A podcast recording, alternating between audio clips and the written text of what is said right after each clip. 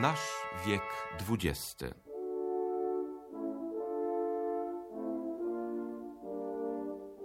Postacie, Celui qui fit triompher la France républicaine à l'Allemagne de Guillaume II.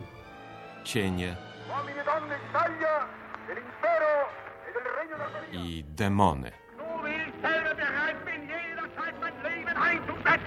Deutschland, sieg ein! 1 stycznia 1939 roku. Wczoraj wieczór Duce powrócił do Rzymu i miałem z nim długą rozmowę.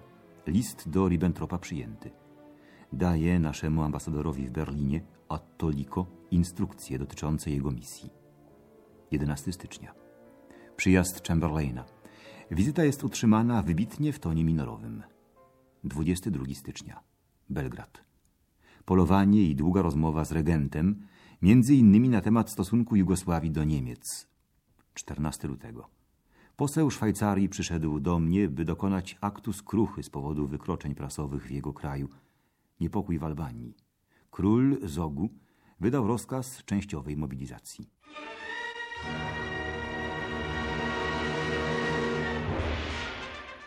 W naszej galerii postaci XX wieku dziś hrabia Galeazzo Ciano, prowadzący skrupulatnie swój dziennik, będący zapisem historii, w której dane mu było uczestniczyć. Wówczas, w 1939 roku, wierzył jeszcze mocno, że jego ducze, podobnie jak wódz III Rzeszy, osiągną swe cele bez rozpętywania burzy, która, jak się okazało, miała wkrótce zmieść i jego.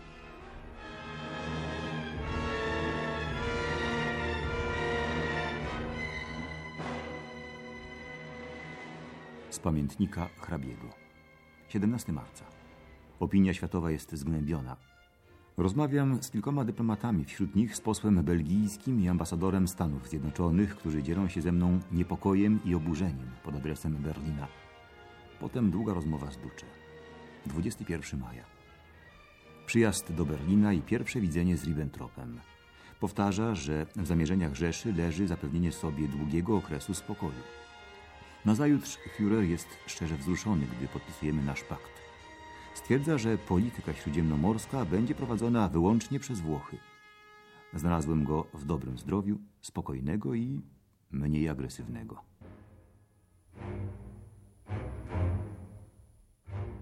W końcu lat 30., gdy ważyły się losy wojny i pokoju w Europie, był jedną z najbardziej znanych, a wydawało się również znaczących postaci na ówczesnej scenie politycznej i dyplomatycznej. Hrabia Ciano podróżował, wypowiadał się, negocjował.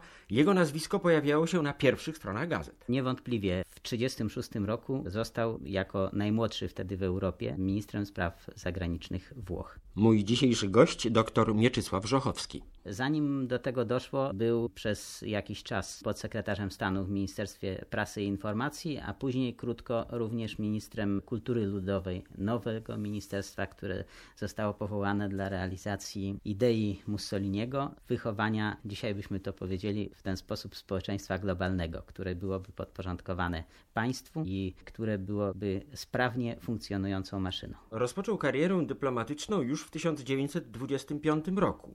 Pracował w ambasadach w Rio de Janeiro, w Pekinie, w Buenos Aires.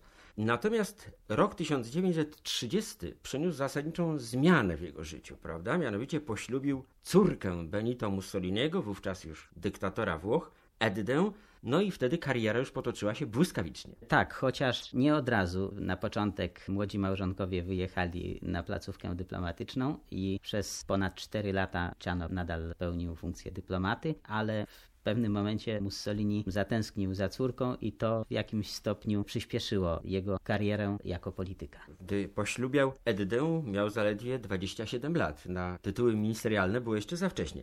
Stało się to dopiero w 1935 roku, kiedy został ministrem spraw zagranicznych, a także członkiem Wielkiej Rady Faszystowskiej. Tak, chociaż jego nominacja nie powinna specjalnie dziwić, dlatego że wywodził się on ze znanego rodu. Jego ojciec był jednym z ważnych dowódców marynarki włoskiej podczas I wojny światowej, zasłużył się podczas kilku bitew. Wracając do tego tytułu hrabiowskiego, otóż szczycił się tytułem hrabiego Cortelazzo, co odziedziczył po ojcu admirale, prawda? Tak Tak jest. Ale splendor spadł częściowo i na niego. E, Oczywiście. Ojciec admirał, a później minister w rządzie Mussoliniego, przewodniczący Izby Deputowanych, a na koniec po jej rozwiązaniu w 1939 roku pierwszy przewodniczący Izby Związków i Korporacji, ciała, które zostało przygotowane, opracowane, jego założenia przez Mussoliniego jako realizacja jego idei korporacjonizmu. Z takiej rodziny pochodząc miał oczywiście bardzo ułatwiony start, jak powiedziałem. Chociaż niewątpliwie i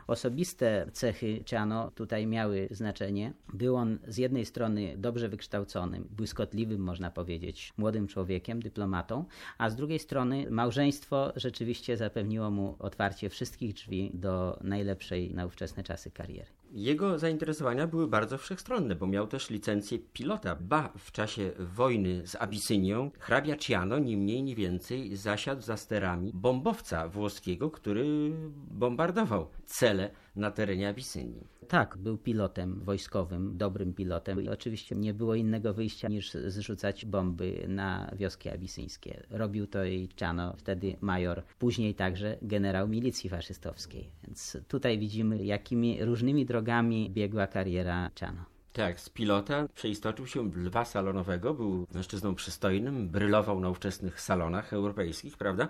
Uważany był za następcę Duce.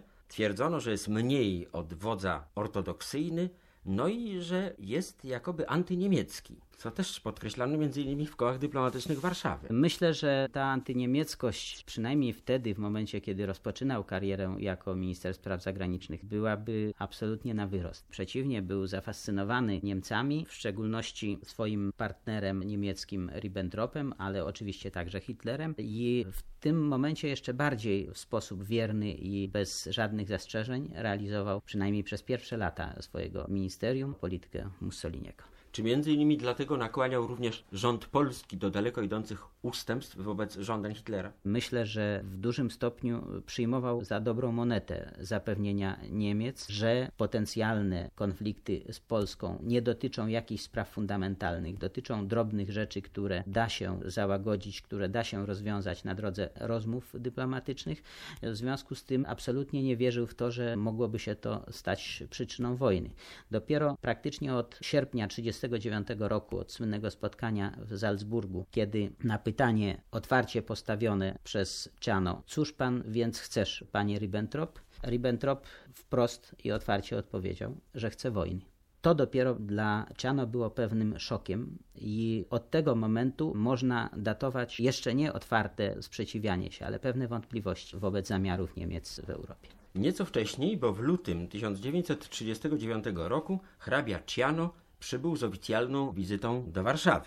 Józef Beck zanotował, jest bezsprzecznie porte parole Mussoliniego, kultury wielkiej nie posiada, ale można na nim polegać. Rzadko mówi, ale gdy już mówi, to zawsze prawdę. Do wizyty w Warszawie przywiązuje on dużą wagę. Pierwsze kontakty Ciano po otrzymaniu teki ministra spraw zagranicznych były bardzo obiecujące. Nawet zaskoczyły w pewnym stopniu naszego ówczesnego ambasadora Alfreda Wysockiego, który był bardzo zdziwiony serdecznym, daleko wychodzącym naprzeciw stosunkiem Ciano i samego Mussoliniego do Polski i nawet pytał Beka, czy nie należałoby zmienić dotychczasowego podejścia ciepłej, życzliwej rezerwy na bardziej bezpośrednie, na bardziej szczere i życzliwe kontakty. Ale wystarczy określić, w którym miejscu Włochy wtedy się znajdowały, o co im chodziło, żeby odpowiedzieć na pytanie, dlaczego były te zabiegi i umizgi w kierunku Polski. Chodziło im w szczególności o dwie rzeczy: o uznanie prawno-międzynarodowe podboju Etiopii i po drugie zniesienie sankcji gospodarczych, jakie przez Ligę Narodów zostały postanowione i nałożone na Włochy po wybuchu wojny włosko-etiopskiej. Wydawało się i samemu Czano, i Mussoliniemu, że uzyskają ze strony polskiej poparcie dla obu tych swoich celów. Kiedy jednak przedstawiciel Polski w ramach Ligi Narodów nawet nie to, że nie poparł wniosku włoskiego, ale nawet nie wstrzymał się od głosu, a głosował przeciwko, zgodnie ze stanowiskiem większości mocarstw zachodnich. Włochom to bardzo się nie spodobało i odtąd zauważalne jest wyraźne ochłodzenie w stosunkach polsko-włoskich i stąd uprzejmość, grzeczność, ale nic ponadto.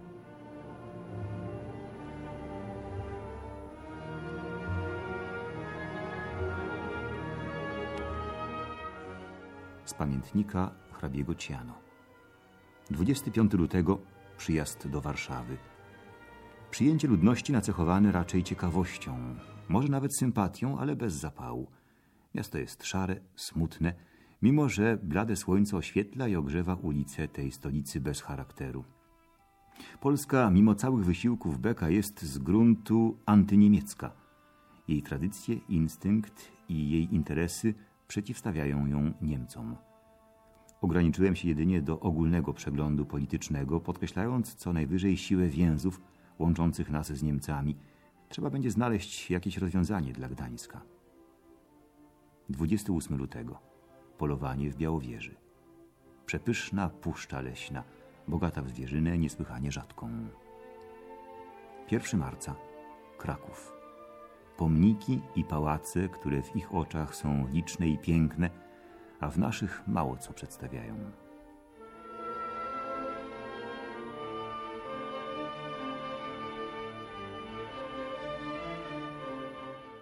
do Polski nie żywił jakichś specjalnych sympatii. Miał bardzo dobre układy z generałem Wieniawą Długoszowskim, ówczesnym ambasadorem w Rzymie. Natomiast jego wrażenia z Polski no, nie były takie oszałamiające. Zastrzelił pięć dzików w Białowieży w czasie polowania. Może tylko ten szczegół był dla niego istotny. Z tym, że wydaje mi się, nie był tak zupełnie zorientowany w rzeczywistych prawdach i sekretach polityki niemieckiej, a może i swojego teścia. Przykładem choćby jego rozmowa z Wieniawą, w której w pewnym momencie, kiedy była głośna sprawa korytarza eksterytorialnego przez teren Pomorza Polskiego, który by łączył Prusy z Rzeszą, kiedy rozpatrywano różne warianty, padło słowo tunel.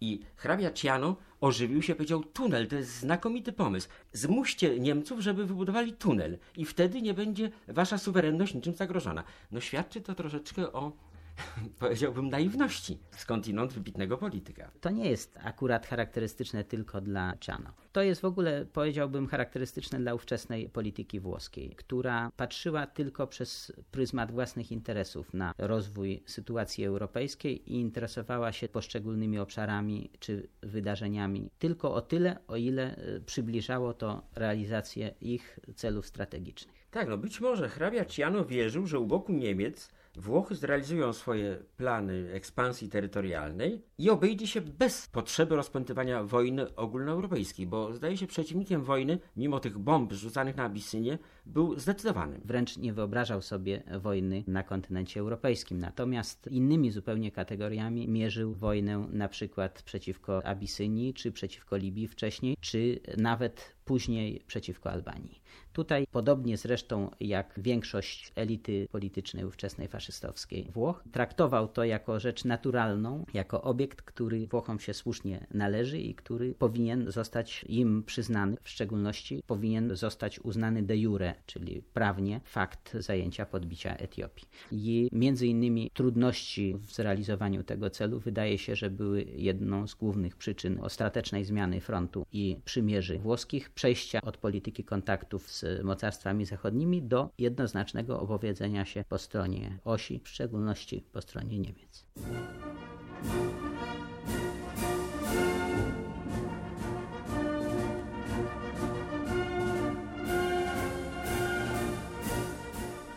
W 1940 roku Benito Mussolini, zadufany w sobie, wierzący w swą dalekowzroczność polityczną, podejmuje rękawicę, którą, jak sądzi, rzuca mu los i historia. Włochy, mimo wahań i niepokojów części elity faszystowskiej, przystępują do wojny u boku Hitlera. 10 czerwca Duce staje na balkonie Pałacu Weneckiego w Rzymie i wygłasza płomienne przemówienie do zgromadzonych tłumów. Oznajmia, że decyzja zapadła i ambasady mocarstw zachodnich otrzymały właśnie twarde noty. Wzywa Włochów, by chwycili za broń. Naprzód Italio, wskrześ swoje imperialne tradycje.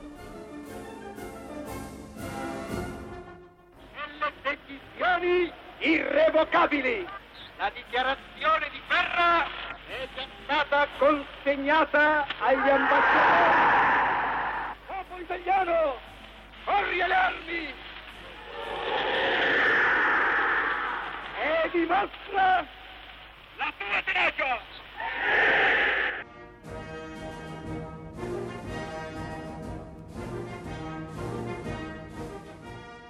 Dopiero pierwsze objawy zapowiadające się klęski spowodowały, że jego ocena sojuszu z trzecią Rzeszą stała się coraz bardziej krytyczna. Ciano wielokrotnie spotykał się z Mussolinim i usiłował przekonywać Mussoliniego, że zbyt daleko idące uleganie Niemcom jest niekorzystne dla interesów Włoch i w jego stanowisku stopniowo narastała najpierw nieufność, która się przeradzała w coraz większą niechęć, a w ślad za klęskami, jakie Niemcy zaczęli ponosić na froncie wschodnim, także niewiara w zwycięstwo. I stąd usiłował on przekonać Mussoliniego, żeby odejść od takiego ślepego trzymania się polityki niemieckiej. Ponieważ Mussolini nie reagował na jego ostrzeżenia, Ciano zbliżył się do grupy Dino Grandiego, skupiającej faszystów krytycznych wobec sojuszu z Niemcami z Hitlerem. Wystąpienie z otwartą krytyką było bardzo ciężkim ciosem osobiście dla Mussoliniego także, ale w tym czasie Ciano był już na innym etapie. On już rozumiał bardzo dużo z samych metod, jakie Niemcy stosowali w swojej polityce zagranicznej i w swojej polityce podbojów w Europie. W związku z tym zupełnie innymi oczami patrzył już w tym momencie na Niemcy. I to doprowadziło do sytuacji takiej, że w lutym 1943 roku hrabia Ciano zostaje nagle zwolniony z funkcji ministra i mianowany ambasadorem w państwie watykańskim. Zszedł z pierwszej linii.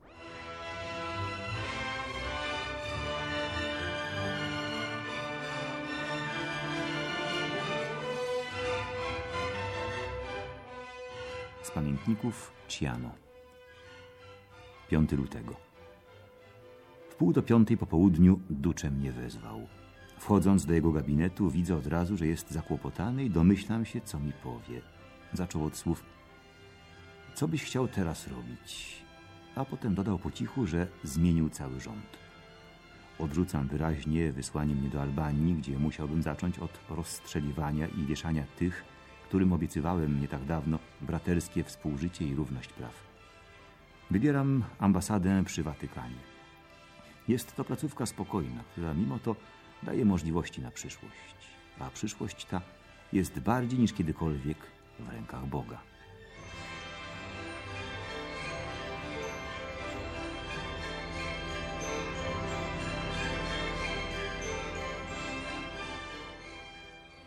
Nadchodzi dramatyczna noc z 24 na 25 lipca 1943 roku. Posiedzenie Wielkiej Rady Faszystowskiej i Ciano, pośród kilku innych, głosuje przeciwko Mussoliniemu, żądając jego dymisji. Wstrząs dla teścia. Niewątpliwie tak. Sam fakt wysunięcia takiego wniosku, postawiony ten wniosek został przez Grandiego, jednego z najbardziej zaufanych współpracowników wcześniej Mussoliniego, jednego z najbardziej znanych przywódców faszystowskich, był niewątpliwie szokiem dla Mussoliniego, ale nie dla Ciano. Nie dla Ciano, dlatego że on po dymisji swojej od 5 lutego 1943 roku był cały czas w Rzymie i uczestniczył w wielu rozmowach. Początkowo były to rozmowy może nie do końca szczere ze strony jego potencjalnych współpartnerów przy rozpatrywaniu wniosku o wotum nieufności, którzy razem z nim głosowali za przyjęciem tego wniosku, ponieważ trochę obawiano się, że Ciano nie do końca będzie wobec nich szczery, nie do końca się zdeklaruje jasno, a może tylko przekazać zbyt wcześnie te informacje. Dlatego nie odkrywano przed nim wielu spraw i dopiero w ostatniej chwili uzyskano jego poparcie dla tego wniosku. Sam fakt, że po długotrwałych, kilkunastogodzinnych i burzliwych obradach Wielkiej Rady Faszystowskiej 19 w sumie członków tej rady poparło wniosek, a tylko siedmiu, oczywiście sam Mussolini także, wystąpili przeciwko. To świadczy, jak głęboko uświadamiała sobie większość ówczesnego grona przywódczego faszystowskich Włoch,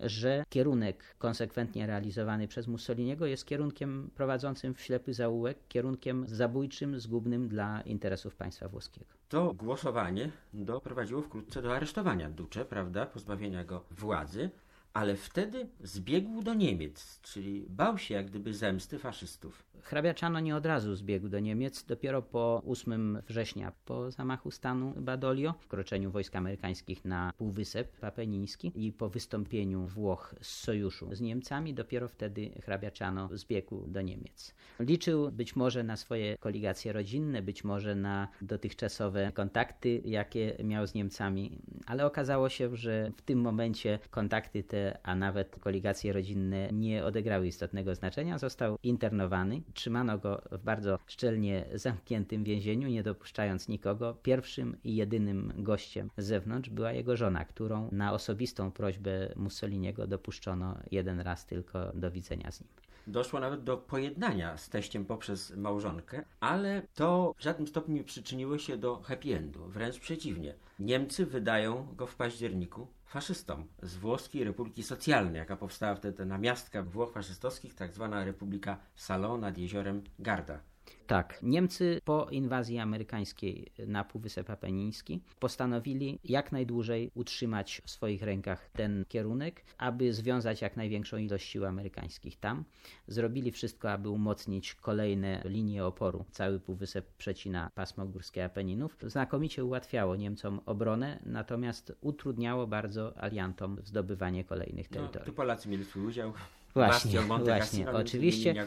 Chociaż można powiedzieć, że wcześniej alianci nie wykorzystali momentu lądowania w rejonie Anzio na nizinnym już wybrzeżu Morza Tyrreńskiego, w momencie, kiedy Niemcy jeszcze mieli małą stosunkowo ilość sił i kiedy była szansa na opanowanie Rzymu niewielkimi stratami lub w ogóle prawie bez strat. Wróćmy do hrabiego Ciano. Stanął przed Trybunałem w Weronie. Była dramatyczna rozprawa, w czasie której się bronił zapewne. Tak, była to niewątpliwie bardzo dramatyczna rozprawa. Specjalnie powołany trybunał, który sądził wszystkich, którzy głosowali w ową noc 25 lipca 1943 roku przeciwko Mussoliniemu, to jest za wnioskiem Grandiego o wotum nieufności. I dla Mussoliniego było punktem honoru także wobec Niemców, wobec żądań Niemców, aby doprowadzić do zakończenia tego procesu skazaniem wszystkich tych uczestników za zdradę, ponieważ tak traktowano to wystąpienie ówczesne, za zdradę stanu na karę śmierci.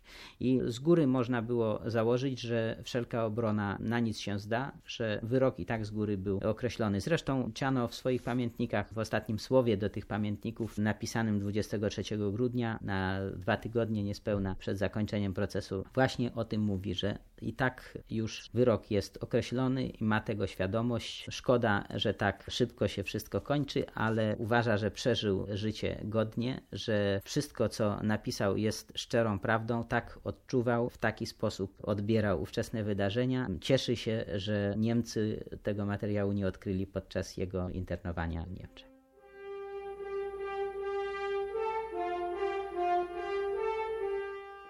Z ostatnich kart pamiętnika hrabiego Ciano. 23 grudnia. Jeśli te zapiski będą kiedyś ogłoszone drukiem, stanie się to dzięki ostrożności, z jaką je ukryłem, zanim Niemcy zdołali mnie ująć zdradzieckim chwytem. Tragedia włoska zaczęła się, moim zdaniem, już w sierpniu 1939 roku. Niemcy oparli swe plany na zupełnie błędnych podstawach. Byli pewni, że Francja i Anglia bez mrugnięcia przyglądać się będą zgładzeniu Polski, zachowując neutralność. Ribbentrop założył się nawet ze mną w tej sprawie.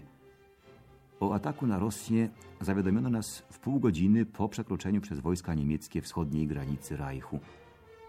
Polityka Berlina wobec nas była jednym ciągiem kłamstw, intryg i oszustw. Za kilka już dni, a może godzin, Trybunał złożony z figurantów ogłosi wyrok podyktowany przez Mussoliniego pod wpływem tego grona ladaczników, którzy przez kilka lat zatruwali włoskie życie polityczne i doprowadzili kraj do zguby. Spokojnie przyjmuję mój los, niesprawiedliwy. Ciężko mi jest tylko pomyśleć, że bez winy z mojej strony nie będę już mógł zobaczyć mych trojga dzieci, ani do serca przycisnąć mej matki i mojej żony. Trzeba jednak pogodzić się z wolą boską, i wielki spokój schodzi we mnie, w mą duszę. Przygotowuję się do ostatniego sądu w nadziei i z wiarą, że w tym świecie wzburzonym uczciwe świadectwo dane prawdzie może się przyczynić do sprawiedliwego osądzenia niewinnych, zaś ukarania winnych i odpowiedzialnych.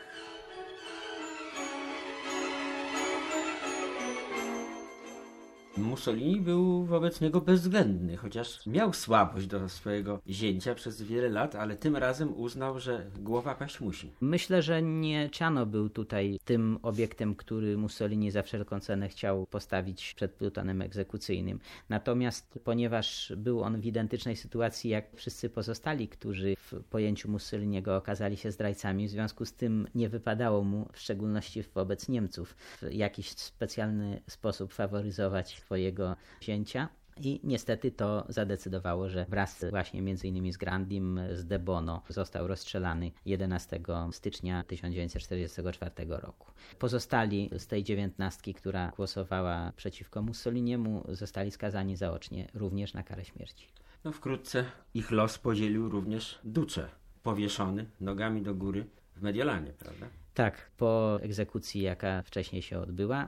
Zresztą Duce usiłował ujść, miał zapewnione poparcie ze strony dowództwa niemieckiego i usiłował w przebraniu niemieckiego żołnierza wyjechać z ostatnimi kolumnami, ale partyzanci mieli dobry wywiad i kolumna niemiecka została w górach zatrzymana i postawiono ultimatum: albo cała kolumna zostanie zniszczona, albo po wydaniu Mussoliniego pozwolą kolumnie przejechać bez strat i w tym momencie Niemcy nie mieli wyboru. Zresztą nie zamierzali specjalnie walczyć o Mussoliniego.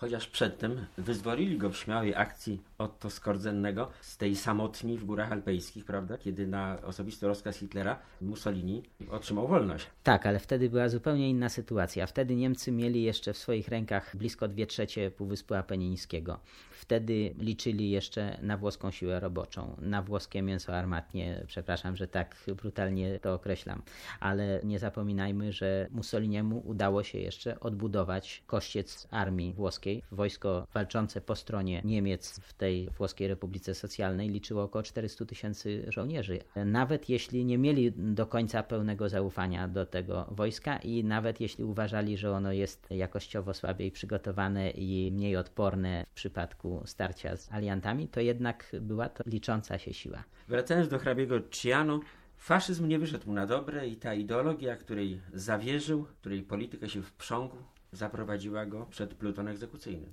Tak, chociaż tylko z pewnymi zastrzeżeniami można tu mówić o ideologii w przypadku faszyzmu włoskiego, ponieważ przynajmniej w momencie zwyciężania w latach dwudziestych to jeszcze nie była ideologia. Ideologię dorabiano później praktycznie do bieżących potrzeb utrzymania władzy, w szczególności i organizacji państwa włoskiego, przeciągając stopniowo na swoją stronę co bardziej uległych naukowców, filozofów, w szczególności najbardziej chyba znany filozof Giuseppe Gentile, który opowiedział się po stronie faszyzmu, ale nie wszystkich udało się w ten sposób przyciągnąć. Przykładem najbardziej świetlanym jest Benedetto Croce, najsłynniejszy filozof włoski XX wieku, który pozostał niezależny. W obawie przed reakcją międzynarodową Mussolini nie zdecydował się na represję wobec niego, co czynił w stosunku do wielu innych mniej znanych naukowców.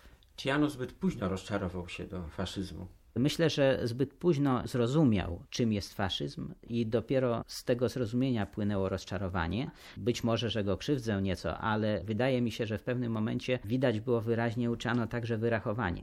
Próba realizacji własnych interesów przy okazji pieczeni niemieckiej. W momencie, kiedy zauważył Czano, zauważyli inni przywódcy, ale nie Mussolini, że jest niewielka albo żadna szansa na zrealizowanie tych interesów, przestali być zainteresowani ich popieraniem. I stąd zrodziła się właśnie idea postawienia wotum nieufności wobec Mussoliniego.